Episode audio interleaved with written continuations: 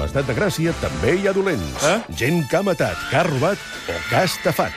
I sí, al nostre estat, com a tots els altres, els dolents ens repugnen, però sovint també ens fascinen. Mm. I ningú els coneix millor que el nostre ministre d'Afers Foscos, l'il·lustre, què dic il·lustre, il·lustríssim Carles Porta. Passar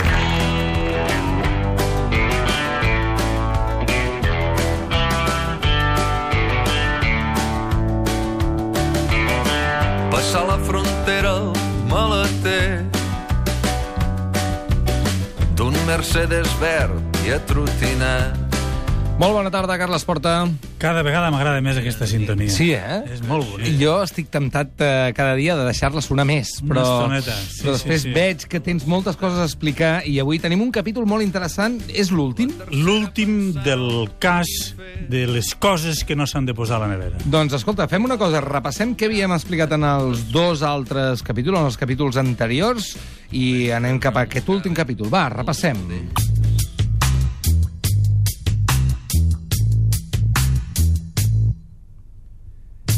En el capítol anterior vam trobar una dona esquarterada i les parts del seu cos repartides per les neveres d'una casa a Sant Pere Pescador, a l'Alt Empordà.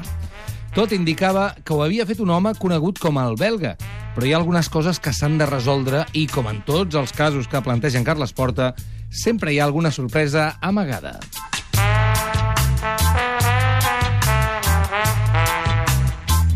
Recordem que encara no sabem del cert si la dona és una tal Sabrina i hem de recuperar la figura del Halil, un magrebí que feia de jardiner pel belga i que després d'obrir la nevera i veure una extremitat humana, va saltar per la finestra, no va deixar de córrer fins a la comissaria de Roses i encara ara està tremolant perquè, entre altres coses, hi ha les seves empremtes dactilars a la casa de les neveres. Cap on ens portaràs avui, Carles Porta? Avui tancarem el cas. Bé, tancarem el cas concret de Sant Pere Pescador. Ja veureu després per què ho dic. Moltes vegades els crims es resolen reconstruint les últimes 24 hores de la víctima.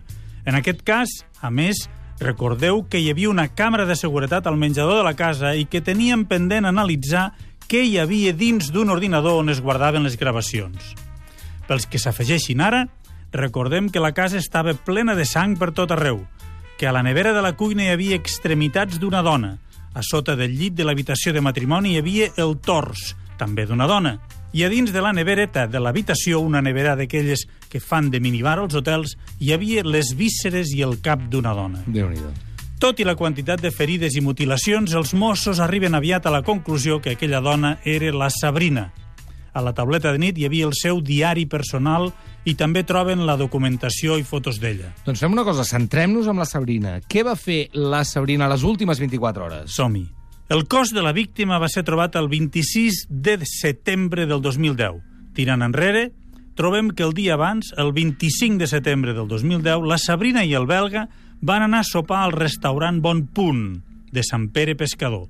Els que tinguin bona memòria recordaran que el restaurant Bon Punt és d'en Jaume Pagès i que en aquest restaurant va ser on el dia 26 al matí es van trobar el belga i el Halil i on nosaltres vam començar el nostre relat. No us oblideu d'en Halil, que en tornarem a parlar. Molt bé. La nit del dissabte 25 de setembre, la Sabrina i el belga sopen al bon punt Molt bé. i es veuen una ampolla de vi brandy, de vi blanc, perdó, Prado Rei, de la varietat Verdejo. Molt bé. Ho sé perquè consta a la tic, al tiquet de pagar del sopar. D'acord, d'acord, d'acord. Doncs es veuen aquest Prado Rei Verdejo. També es prenen un cafè irlandès i en Pagès, amic del belga, els convida a xupitos. Ningú va dir que el sopar fos tibant i ningú va veure cap discussió ni cap mala situació. Un sopar normal i corrent. Després van anar al bar Rookie, que és a prop. Van beure una mica més i després encara van anar al Gran Muralla, on van fer un parell de copes de vi més. Per què ens fixem en les copes? Perquè aquella nit cap testimoni es va fixar en res més. I perquè serà un detall important. Els cambrers i cambreres només recordaven les copes que havien begut aquella parella a qui ningú va veure discutir. I a quarts de 12 de la nit van marxar. Aquesta va ser l'última vegada que es va veure en públic viva la Sabrina.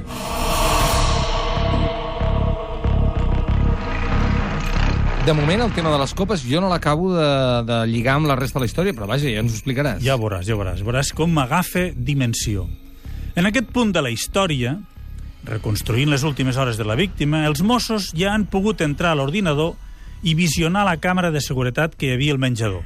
Una càmera que el dia que els Mossos van trobar el cadàver estava desconnectada. Però miren a veure si hi ha hagut sort en el disc dur i sí, alguna cosa hi queda. Repassen les imatges. A les 12 i 9 minuts de la nit es veu com arriba el cotxe Porsche, Porsche Cayman Sí. i en baixen el belga i la Sabrina. Entren al menjador. Ella es deixa caure al sofà i ell agafa una cervesa de la nevera. Els primers 30 minuts, en Daniel i la Sabrina veuen i parlen. Passats aquests 30 minuts, la Sabrina s'aixeca, camina com si estigués nerviosa i comencen a discutir. Ara sí. Les imatges de la càmera no tenen so i, per tant, el contingut exacte d'aquella discussió és una suposició que construïm a partir dels testimonis que van anar a declarar al judici i que ens permeten fer una projecció a les vides del belga i la Sabrina. Segons l'únic dels dos que encara ho pot explicar, és a dir, ell, Sí. van discutir perquè la Sabrina volia que en Daniel deixés la Dafne i tornés amb ella perquè ella encara l'estimava. Aquí hem d'explicar una cosa. El belga i la Sabrina havien sigut parella durant dos anys, però van trencar abruptament. Després us diré per què. I després de la Sabrina, el belga es va embolicar amb la Dafne. La Dafne és aquella dona que va trucar al restaurant Bon Punt i li va dir al propietari que el belga l'estava espantant. Tenim un, un embolic, ja, eh? Un embolic considerable. Queda clar que a casa del belga hi ha la Sabrina, Sí. i ella en té les claus. Però el belga té una relació amb la Dafne, i pel que es veu, totes dues ho saben. La Sabrina, la nit del dissabte en què va ser assassinada i esquarterada, li diu al belga que encara l'estime i vol que estiguin junts. Uh -huh. Diu la veritat? Sembla que sí. I ho sabem per dos detalls. Al judici, la mare de la Sabrina va explicar que estava segura que la seva filla estimava molt el belga. Massa i tot, ja veureu per què. I el segon detall és el diari. A les últimes notes en referència al Daniel, al belga, que la policia va trobar al diari, que hi havia a l'escriptori de l'habitació de la casa, sí. la Sabrina parlava d'un home del que ella estava segura que no li faria mal Boix. a qui estimava i a qui desitjava amb ànsia tornar a veure. Ho repetiré perquè és important, sobretot per a aquelles persones que estimen amb bogeria i arriben a l'encegament. Ja sabreu per què ho dic. La Sabrina va escriure que s'estimava el Daniel, que estava segura que no li faria mal i desitjava amb ànsia tornar-lo a veure. Molt bé. Continuem amb el que es veu a les imatges de la càmera de seguretat. La discussió puja de to. La Sabrina corre a agafar el telèfon, l'acosta al belga amb actitud desafiant i li exigeix que truqui a la Dafne i que trenqui amb ella. Uf. El belga, en Daniel, que és qui explica la versió del que va passar aquella nit, no tenia cap intenció de deixar la Dafne. La discussió va pujant de to i arriben a les mans. En Daniel és més fort i acaba empenyant la Sabrina, que cau a terra. Ell l'agafa pels cabells i la colpeja. Li fot cops de puny i puntades a dojo. Ella s'escapa cap a l'habitació com pot, però ell li va al darrere. I Què? tot això es veu a les gravacions, eh? Ah, sí? I just abans d'entrar a l'habitació, en Daniel recorda una cosa, la càmera de seguretat. Ah. Aixeca el cap i mira fixament cap a la càmera. Va al darrere de la barra americana que separa la cuina del menjador. Busca alguna cosa. Potser els cables per tallar la connexió? No troba el que busque. La càmera continua funcionant.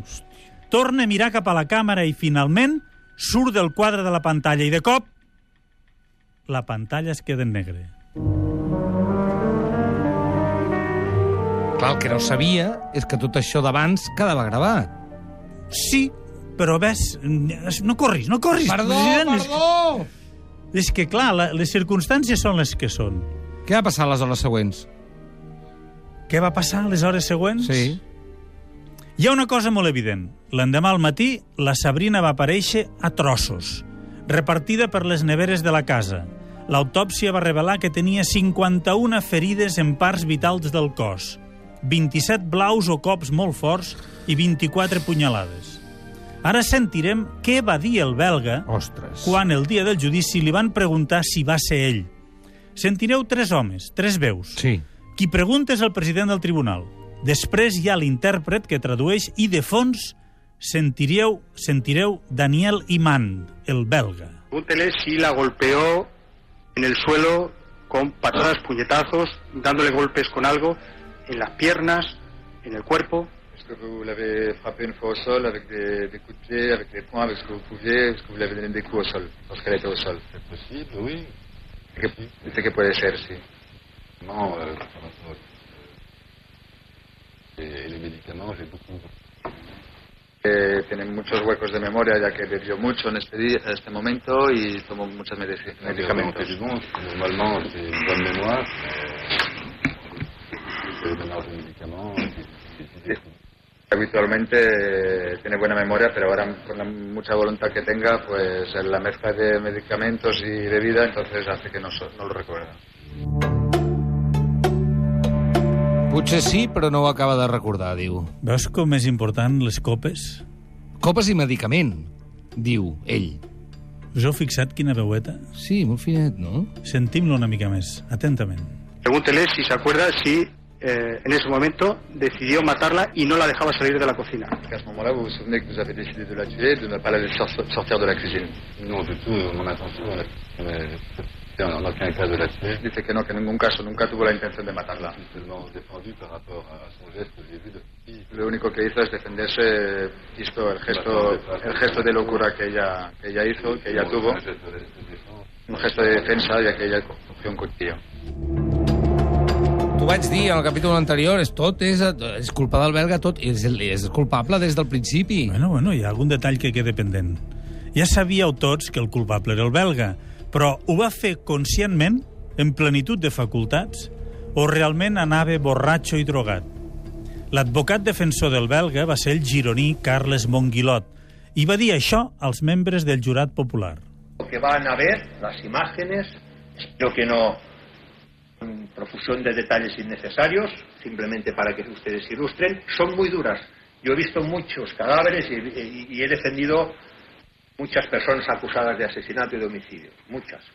Y son de las más duras que, eh, he visto. Yo no les pediré juzguen, yo ni nadie, juzguen desde un punto de vista moral, desde un punto de vista más allá del jurídico. Les pediré que declaren probados hechos, que el matiz sea importante, el adjetivo que cualifique el acto homicida, por ejemplo, esté probado o no. En base a eso, ustedes tendrán que votar. Sempre, sempre penso el mateix, eh? Com a jurat popular, quina feinada, eh? Que difícil, eh? Separar-te emocionalment de- d'aquestes coses. és Sí, a dir, sí, sí, no, no, no tinguis un judici moral. Dius, ja, sí, bueno, però, hosti, és difícil, això, eh? És molt difícil. I veient les imatges que devien veure, imagina't, Uf, fa uf. dies que parlem d'un cos esquarterat. I... Clar. És difícil, però bueno, mm, de fet, el següent cas que tractarem Sí, faré un advertiment a la gent que vulgui ser jurat popular. Però ja arribarà. Avui continuem aquí. En el fons de les paraules del lletrat Monguilot hi ha la diferència entre homicidi o assassinat, entre 10 o 25 anys de presó. Ja veureu quina va ser la condemna. De moment, tornem a la relació entre el belga i la Sabrina. va. Nosaltres no coneixem de res aquest home, però la Sabrina, la dona que deia que l'estimava i que va escriure que ell no li faria mal, sí que el coneixia. I com va dir sa mare, massa i tot.